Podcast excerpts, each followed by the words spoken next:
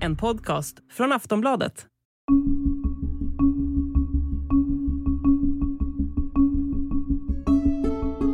–1986 dömdes 15-årige Samir för ett mord som han inte hade begått. När han friades 30 år senare var det slutet på en lika lång kamp för upprättelse. Men också början på en ny strid. Den om att få statens förlåt för att det blev fel. Det är den kampen den här podden handlar om. Du lyssnar på Fallet, säsong 2. Det här är andra avsnittet. Vittnesmålet. Jag heter Anders Johansson.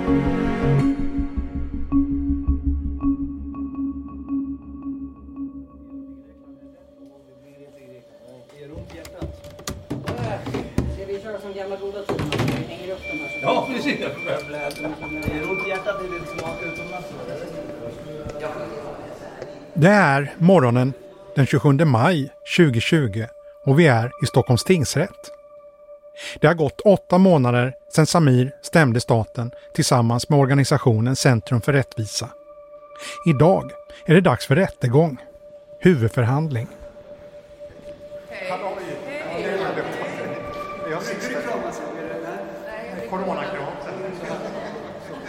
Ska vi göra den här dansen? Jag råkar visst komma sist, trots att jag är här i god tid.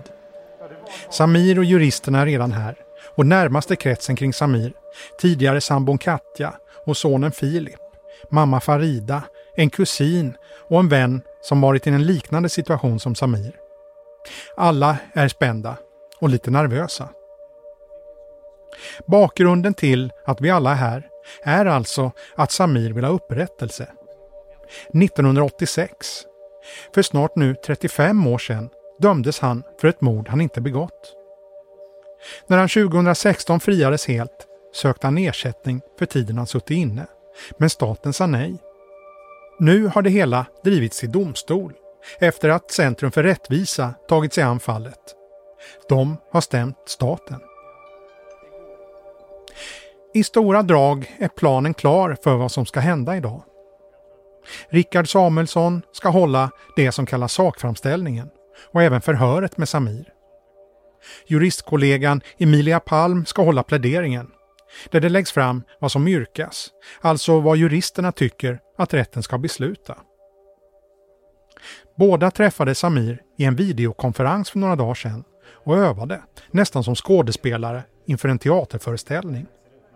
Allt för att kunna ge rätten en så tydlig och klar bild som möjligt om det som hände.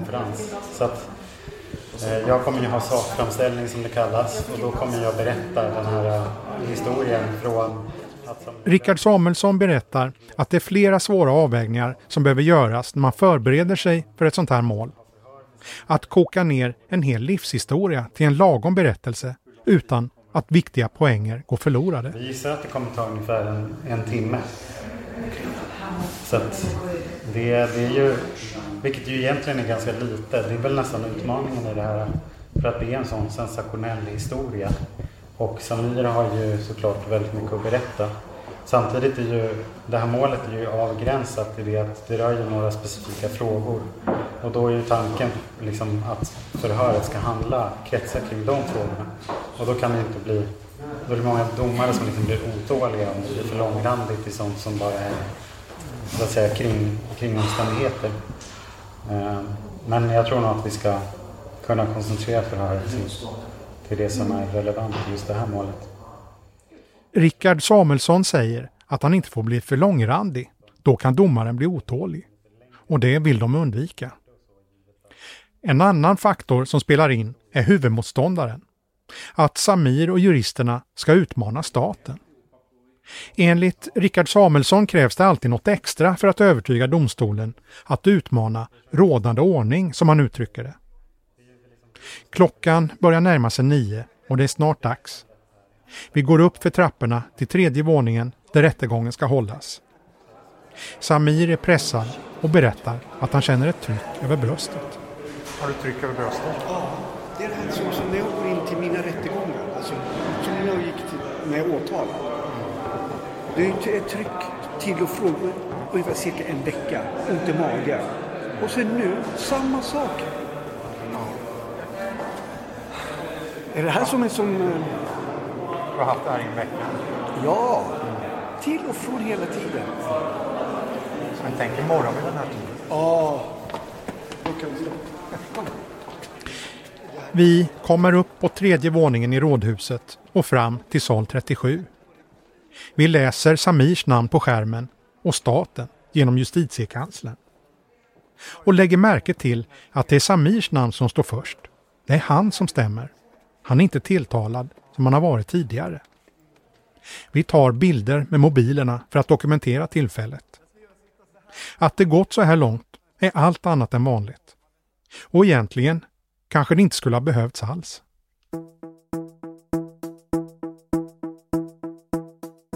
Alla som varit felaktigt frihetsberövade i mer än 24 timmar i sträck har rätt till ersättning från staten.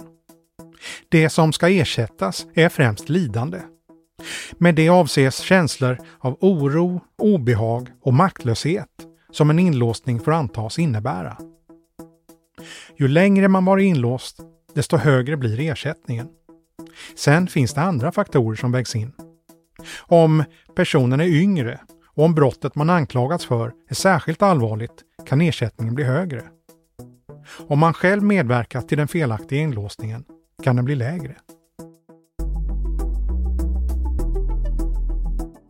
Justitiekanslern, JK, är den som sköter utbetalningarna och har en taxa att utgå ifrån som en grund. Första månaden är vanligen 30 000 kronor. Sen blir det 20 000 för varje ytterligare månad till och med den sjätte månaden. Därefter tickar ersättningen på med 15 000 per månad. I Sverige har ett fåtal personer friats efter att ha blivit felaktigt dömda för mord. Och de har fått rejäla skadestånd. Joy Roman har suttit i fängelse i åtta och ett halvt år, dömd till livstids fängelse för ett mord på en äldre kvinna 1993. Han dömdes först av en enhällig tingsrätt, sen av en lika enhällig hovrätt. Men så beviljades han resning i år och nu frikänns han helt av en enig hovrätt.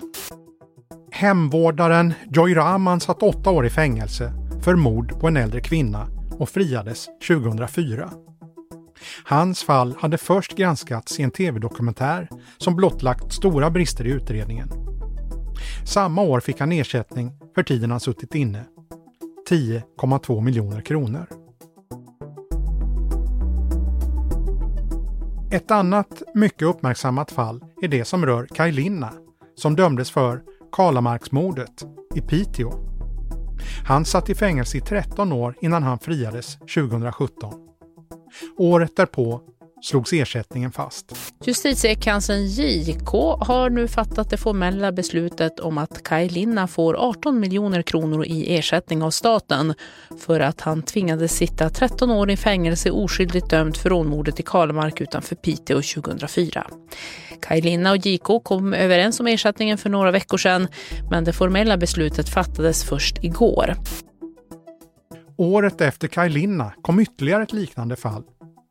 Den här gången handlar det om Esa Teitinen som dömdes för mord 2010 efter att en äldre man hittats död i ett badkar. Men 2018 friades han helt och 2019 kom beslutet om ersättning. Den man som friades förra året efter att ha suttit fäng i fängelse i åtta år för mord får drygt 9 miljoner kronor i ersättning efter ett beslut av justitiekanslern. Mannen Esa Teitinen dömdes till 15 års fängelse för mord på en man som hittades död i ett badkar i Solna för tio år sedan. Men han beviljades senare resning och friades av hovrätten efter åtta år. Samir var felaktigt inlåst i omkring två år innan han skrevs ut från den slutna psykiatriska vården. I likhet med Esa Teitinen, Kaj Linna och Joy Rahman så friades han helt från anklagelserna. Men på en punkt skiljer han sig från de andra fallen. Samir fick inte en krona. Kruxet är att lagen som ger rätt till ersättning vid felaktigt frihetsberövande inte innehåller en regel om preskriptionstid. Därför är det en annan lag, preskriptionslagen, som ska tillämpas för den här sortens fordran, anser JK. Och här gäller preskriptionstiden 10 år. Och nu hade det gått 30 år innan Samir begärde ersättning och därför ansåg JK att Samirs fordran var preskriberad. JK sa därför nej. Sen sa regeringen i praktiken samma sak genom att avslå ansökan om ersättning ex gratia, av nåd. Beslutet utvecklades i fem meningar och regeringen hänvisade bara kort till att JK nekat ersättning med hänvisning till preskription. När också regeringen sa nej tog det stopp. Under båda de processerna var advokat Sargon Di Basso en central del. Han var den som också juridiskt arbetat med Samirs resningsansökan och fått igenom den friande domen. Men efter bakslagen gällande ersättningen kände han att han inte kunde bistå längre. Han var helt färdig efter att precis ha avslutat två stora pro bono-processer utan ersättning. Det var ett skäl. Ett annat var att han förstod att det inte skulle bli någon dans på rosor att stämma staten. Det är inte vem som helst som ger sig på sådana saker. Sargon Di Basso berättar. Det där, Samir kom ju såklart tillbaka efter de här två motgångarna som vi hade. Först hos justitiekanslern och sen hos regeringen. Och undrar vad kan man göra? Eh, jag spånade lite på det där och, och, självklart så kan man ju försöka driva det som att man stämmer staten. Va? Den vägen och få liksom domstolsprövningar. Tingsrätt, hovrätt och högsta domstol. Men det är ganska tunga processer. Och helst så ska man vara lämpad att driva den typen utav, för det blir ju som ett tvistemål va. Mm. Vad lägger du i begreppet tunga processer? Det ska upprättas en stämningsansökan som ska vara väl genomtänkt med bevisning. Eh, det kommer hållas muntliga förberedelser i målet. Det ska sättas ut i huvudförhandling. Det är skriftkorrespondens med representanter från staten som motar Olle vid grind. Och jag menar det där är, det är ganska kostsamt och jag hade precis lagt bakom mig jag gör ju så att jag emellanåt jobbar pro bono. Va? Det vill säga att jag åtar mig uppdrag där jag inte fakturerar klienten överhuvudtaget. Jag hade precis lagt bakom mig två jättetunga motsvarande processer fast i, i andra ärendetyper. Och var helt jäkla färdig alltså. Och Samir på något sätt, jag vet inte om eh, hur de kom i kontakt med varandra. Men när Samir i ett senare skede ringde upp mig och sa Sargon, vad, vad, tycker du om att, att Centrum för rättvisa engagerar sig i den här frågan? Då sa jag, det är fan ta mig som liksom klippt och skuret för det här ändamålet. Va? Det är handen i handsken rakt av. Så att jag blev jäkligt lycklig alltså av att höra det. För att det är det är rätt man på rätt plats. va. För att för det första är de jäkligt skickliga. Alltså de kan hantverket. De har erfarenheten att driva motsvarande mål. På ett sätt som är unikt. va. Jag tror inte någon advokatbyrå har den kompetensen som de har. Nu tar de över stafettpinnen här i, i, i Samirs kamp för en upprättelse. Hur kommer det gå tror du? Det är så jäkla svårt att säga. För att det är, man, man, ska ha med sig i den här världen och, och då pratar jag om juridikens värld. Att staten är en jäkligt värdig motståndare. Och de har makt i juridisk bemärkelse. De har väldigt mycket rättigheter. Men väldigt få skyldigheter. Vår skadeståndsrätt i Sverige är inte uppbyggd för att man som enskild medborgare ska kunna få kompensation från staten vid olika övergrepp. Utan lagstiftningen är uppbyggd så att staten ska vara fredad från större skadeståndsanspråk. Om det inte är extrema fall. Så att man, man, måste nog ha med sig att när man går in i den här processen så är det eh, oddsen emot sig. Va? Spelreglerna uppbyggda så att, att man ska skydda och värna staten före medborgaren. Så har det alltid varit. Det är den rättstradition vi har i Sverige. Så vinner de den här gången så är det mitt påstående att det är mot alla odds.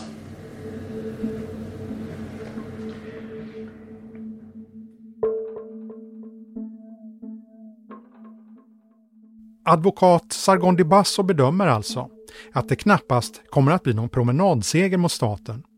Eller en seger överhuvudtaget. Det skulle i så fall vara en riktig skräll.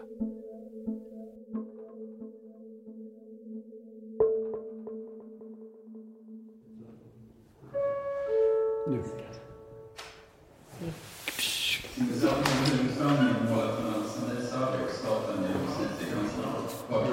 Ska vi gå in här eller? I Stockholms tingsrätt har det nu blivit dags. Klockan har slagit nio den här majmorgonen 2020 och huvudförhandlingen ska börja. Den inleds med att parterna lägger fram sina argument i sakframställningarna. Sen blir det förhör. För Samir stegras anspänningen. Det är till slut dags för det han efterfrågat ända sedan första dagen i hela den här processen. Att få berätta med egna ord vad det var som hände och hur det har påverkat honom.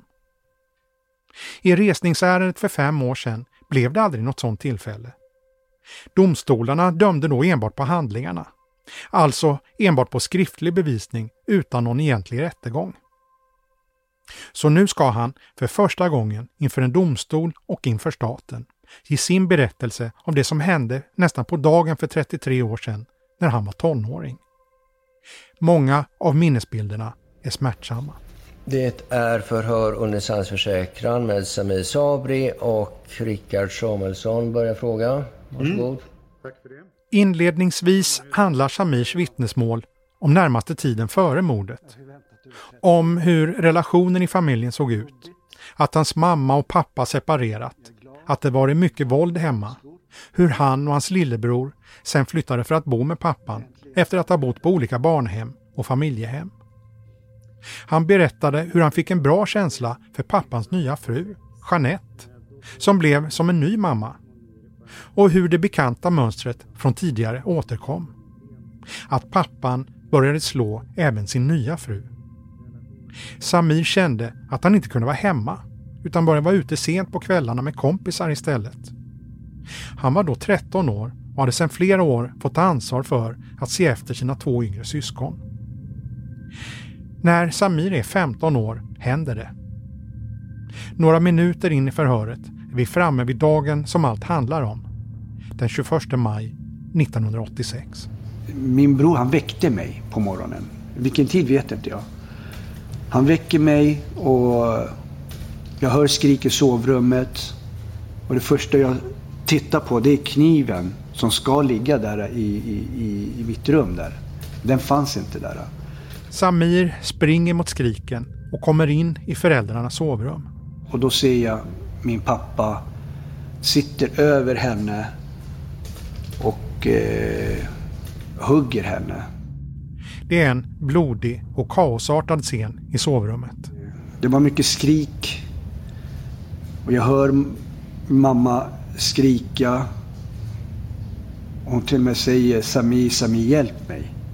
Samir säger att han egentligen inte vet om mamman ser att han är där. Han står bakom pappan, bara några meter från sängen, men han vill inte tro på det som sker. Jag vet inte när jag förstod att det här, att det, att det är verkligen sant det här. Det här att det, det, det händer verkligen framför mig. Och jag vet inte hur länge, hur länge jag stod där heller. Eh, men det, det kändes bara som en evighet. Kan inte det här ta slut? Det var som om jag ville vakna upp från en dröm. Det här är en dröm, det här är en dröm. Kort senare är det över. Pappan vänder sig mot Samir och Samirs lillebror. Han förklarar vad som ska hända nu. Han såg hemsk ut. Det... När han stod där med kniven, han sa jag kommer döda dig och din bror. Ordagrant, jag vet inte exakt hur de gick till där. Men att han skulle döda oss om inte jag tar på mig det här. Samir vågar inte annat än att göra som pappan säger. På något sätt så jag bara, ja ja, farsan jag ordnar det, jag fixar det här. Jag var så rädd. Kort senare ringer han samtalet till polisen och berättar. Då har han redan gjort flera saker som han sett på film. Han har slängt pappans blodiga kläder, gladdat ner sina egna kläder med blod och skurit sig lite i handen med ett rakblad för att framstå som trovärdig. Det är nämligen inte ovanligt att knivmördare skadar sig själva på vapnet de använder.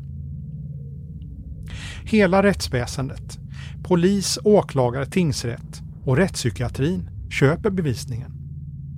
Samir hittar på att han hört röster och döms till sluten psykiatrisk vård.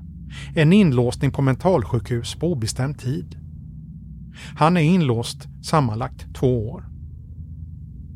Som framgått tidigare menar staten att en av anledningarna till att Samir inte ska få någon ersättning är just för att han själv erkänt.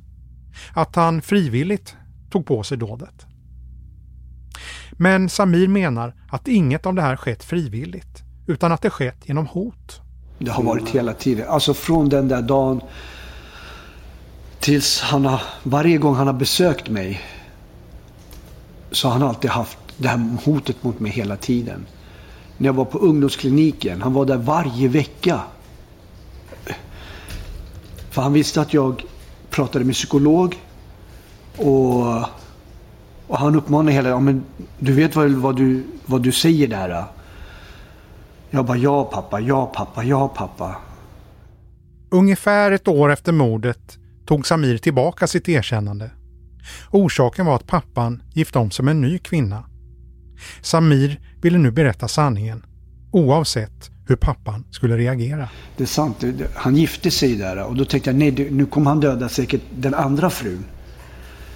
Eh, men jag vill minnas att jag, att jag kände bara att jag orkar inte längre. Att, att gå hotad på det sättet hela tiden. Och jag kommer ihåg att jag sa, jag sa någonstans i mig själv, jag, jag skiter i, jag är redan död inombords. Alltså döda mig då. Skiter i om vad skulle hända? Om, om han skulle döda mig eller inte. Jag, jag, jag, jag var redan död inombords. Samir berättade först för en läkare, som inte blev förvånad, att det var pappan som var gärningsmannen. Förundersökningen öppnades på nytt, men lades ner utan att några undersökningar av det tekniska materialet hade gjorts. Jag var ledsen, jag var arg. Jag var riktigt arg. Jag kommer ihåg att eh, läkaren sa att berätta hela sanningen nu här till poliserna så kommer nu, det kommer gå jättebra. Och du, du, eh, de kommer höra dig. Eh, och jag, jag, jag, jag, tror också att jag, men de kommer väl ta pappa. De kommer väl gripa pappa. Eh, han bara, håll dig bara till sanningen så kommer det här gå bra. Och jag höll mig till sanningen. Och sen när det här beslutet kom att inte de tog upp det här. Det... Uff, alltså. Jag blev så besviken och ledsen och arg. Framförallt arg kommer jag ihåg att jag blev. Jag tror jag var arg på allt och alla. Till och med läkaren. Han lovade mig. Samir framhåller att det var en rad saker som han sa i sitt första erkännande som inte stämde. Och att polisen inte heller lyssnade när han berättade om pappan. Uppgifter som borde varit enkla för utredarna att kolla upp. Hade man gjort enligt lagboken för 30 år sedan och gått igenom alla de här procedurerna när det handlar om ett mord då skulle jag inte blivit dömd för ett mord. De skulle ifrågasätta, men Samir, det stämmer inte med kläderna. Samir, eh, det var inte åtta knivhugg. Samir, det var, alltså det finns ju så många saker där. Kläderna ska väl skickas till SKL vare sig jag säger A eller B. Måste ju bevisas. Bli dömd för ett mord. Det krävs ju förmodligen alltså, saker och ting som måste gå igenom, passera. Jag är 15 år, vad ska jag göra? Jag kan inte ens de här procedurerna. Men framförallt den andra gången. Andra gången när jag berättar sanningen på ungdomskliniken när poliserna kommer förhör mig. Där måste ju de ju liksom frågasätta sig själv och hela utredningen. Att han berättar om ett mord där och sen berättar han att det inte är han. Då måste de verkligen gå igenom alltihopa. Men inte ens där skickar de in grejerna till SKL. Det här är en avgörande punkt. Staten menar att Samir har ett eget ansvar för att den här situationen har uppkommit. Att det är därför han inte ska få någon ersättning. Under förhöret framhåller Samir att han tog sitt ansvar när han sa sanningen och pekade ut pappa. Och det, det är där jag säger, jag tar mitt ansvar. Jag berättade inte sanningen i, i förra rättegången. Jag blev dömd för ett mord. Och jag vill att staten ska ta sitt ansvar. Jag begär inte mycket mer än så. Det har gått pågått över 30 år, det räcker. Jag vill få ett slut på det här. Jag vill ha mitt liv, jag har mitt liv idag. Jag får gå vidare. Statens representanter har lyssnat noga på Samirs berättelse. Jag tycker mig också ha sett på deras minspel emellanåt att den berört dem på ett känslomässigt plan. Men juridiken ska stå fri från känslor. Så måste det vara. Därför blir det överraskande att tjänstemännen från JK, som alltså anser att Samir inte ska ha någon ersättning, plötsligt visar en mänsklig sida när det blir deras tur att ta till orda. Vi hör Jens Kalmin som företräder justitiekanslern. Eh, ja, alltså, som vi inledningsvis sa, så, och speciellt nu när vi har hört Samir Sabri, så framgår ju att det är en oerhört tragisk historia som ligger till bakgrund för det här målet. Och jag håller med om att Samir Sabris berättelse är gripande och att han har haft det tufft. Givetvis borde Samir inte ha dömts för det här mordet och eh, han har ju fått upprättelse genom den här domen har rests och han har frikänts från mordet, om än efter lång tid. Och vi vill därför idag eh, till Samir och eh, å justitiekanslerns och statens vägnar be om ursäkt för att du dömdes för det här mordet och eh, fast du var oskyldig och för den, det du har utsatts för efter. Så vi vill bara inleda med att säga det. Och det som gör det här målet... Justitiekanslern och staten ber om ursäkt. Hörde jag verkligen rätt? Jag tittar på Samir och han kan inte hålla tillbaka tårarna. Men efter ursäkten fortsätter JK som vanligt. I sin plädering framhåller justitiekanslern att Samir själv orsakat sitt frihetsberövande och att det inte spelar någon roll om han varit utsatt för hot och hur som helst så är hans krav preskriberat. Han ska kort och sammanfattningsvis inte ha någon ersättning. Efter några minuter är det hela klart. Så är förhandlingen slut och dom i målet kommer att meddelas om tre veckor. Det vill säga genom att hållas tillgänglig på tingsrättens avdelning 2s kansli onsdagen den 17 juli i år klockan 11.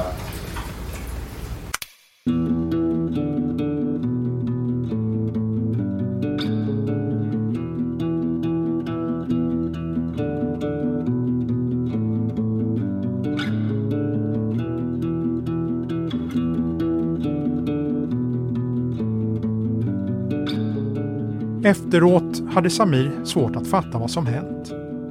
I en paus gick han fram till JKs representanter och pratade med dem.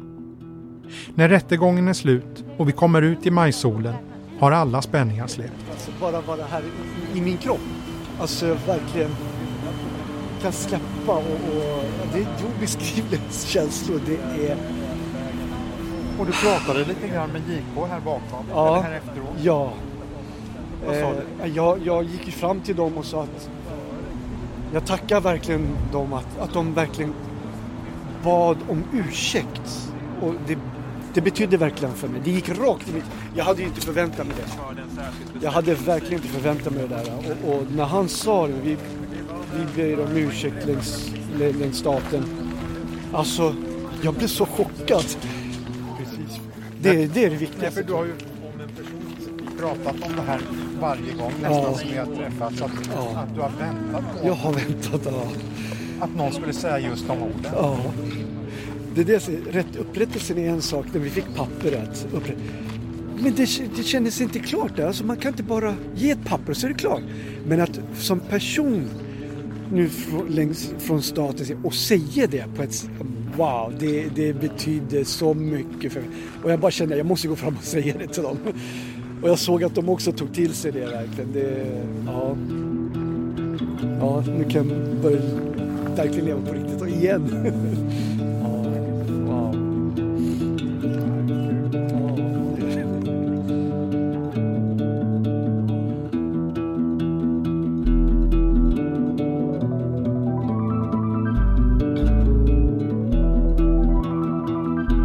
Du har lyssnat på ett avsnitt av podden Fallet, säsong 2. Producent var Marcus Ulfsand. Jag heter Anders Johansson.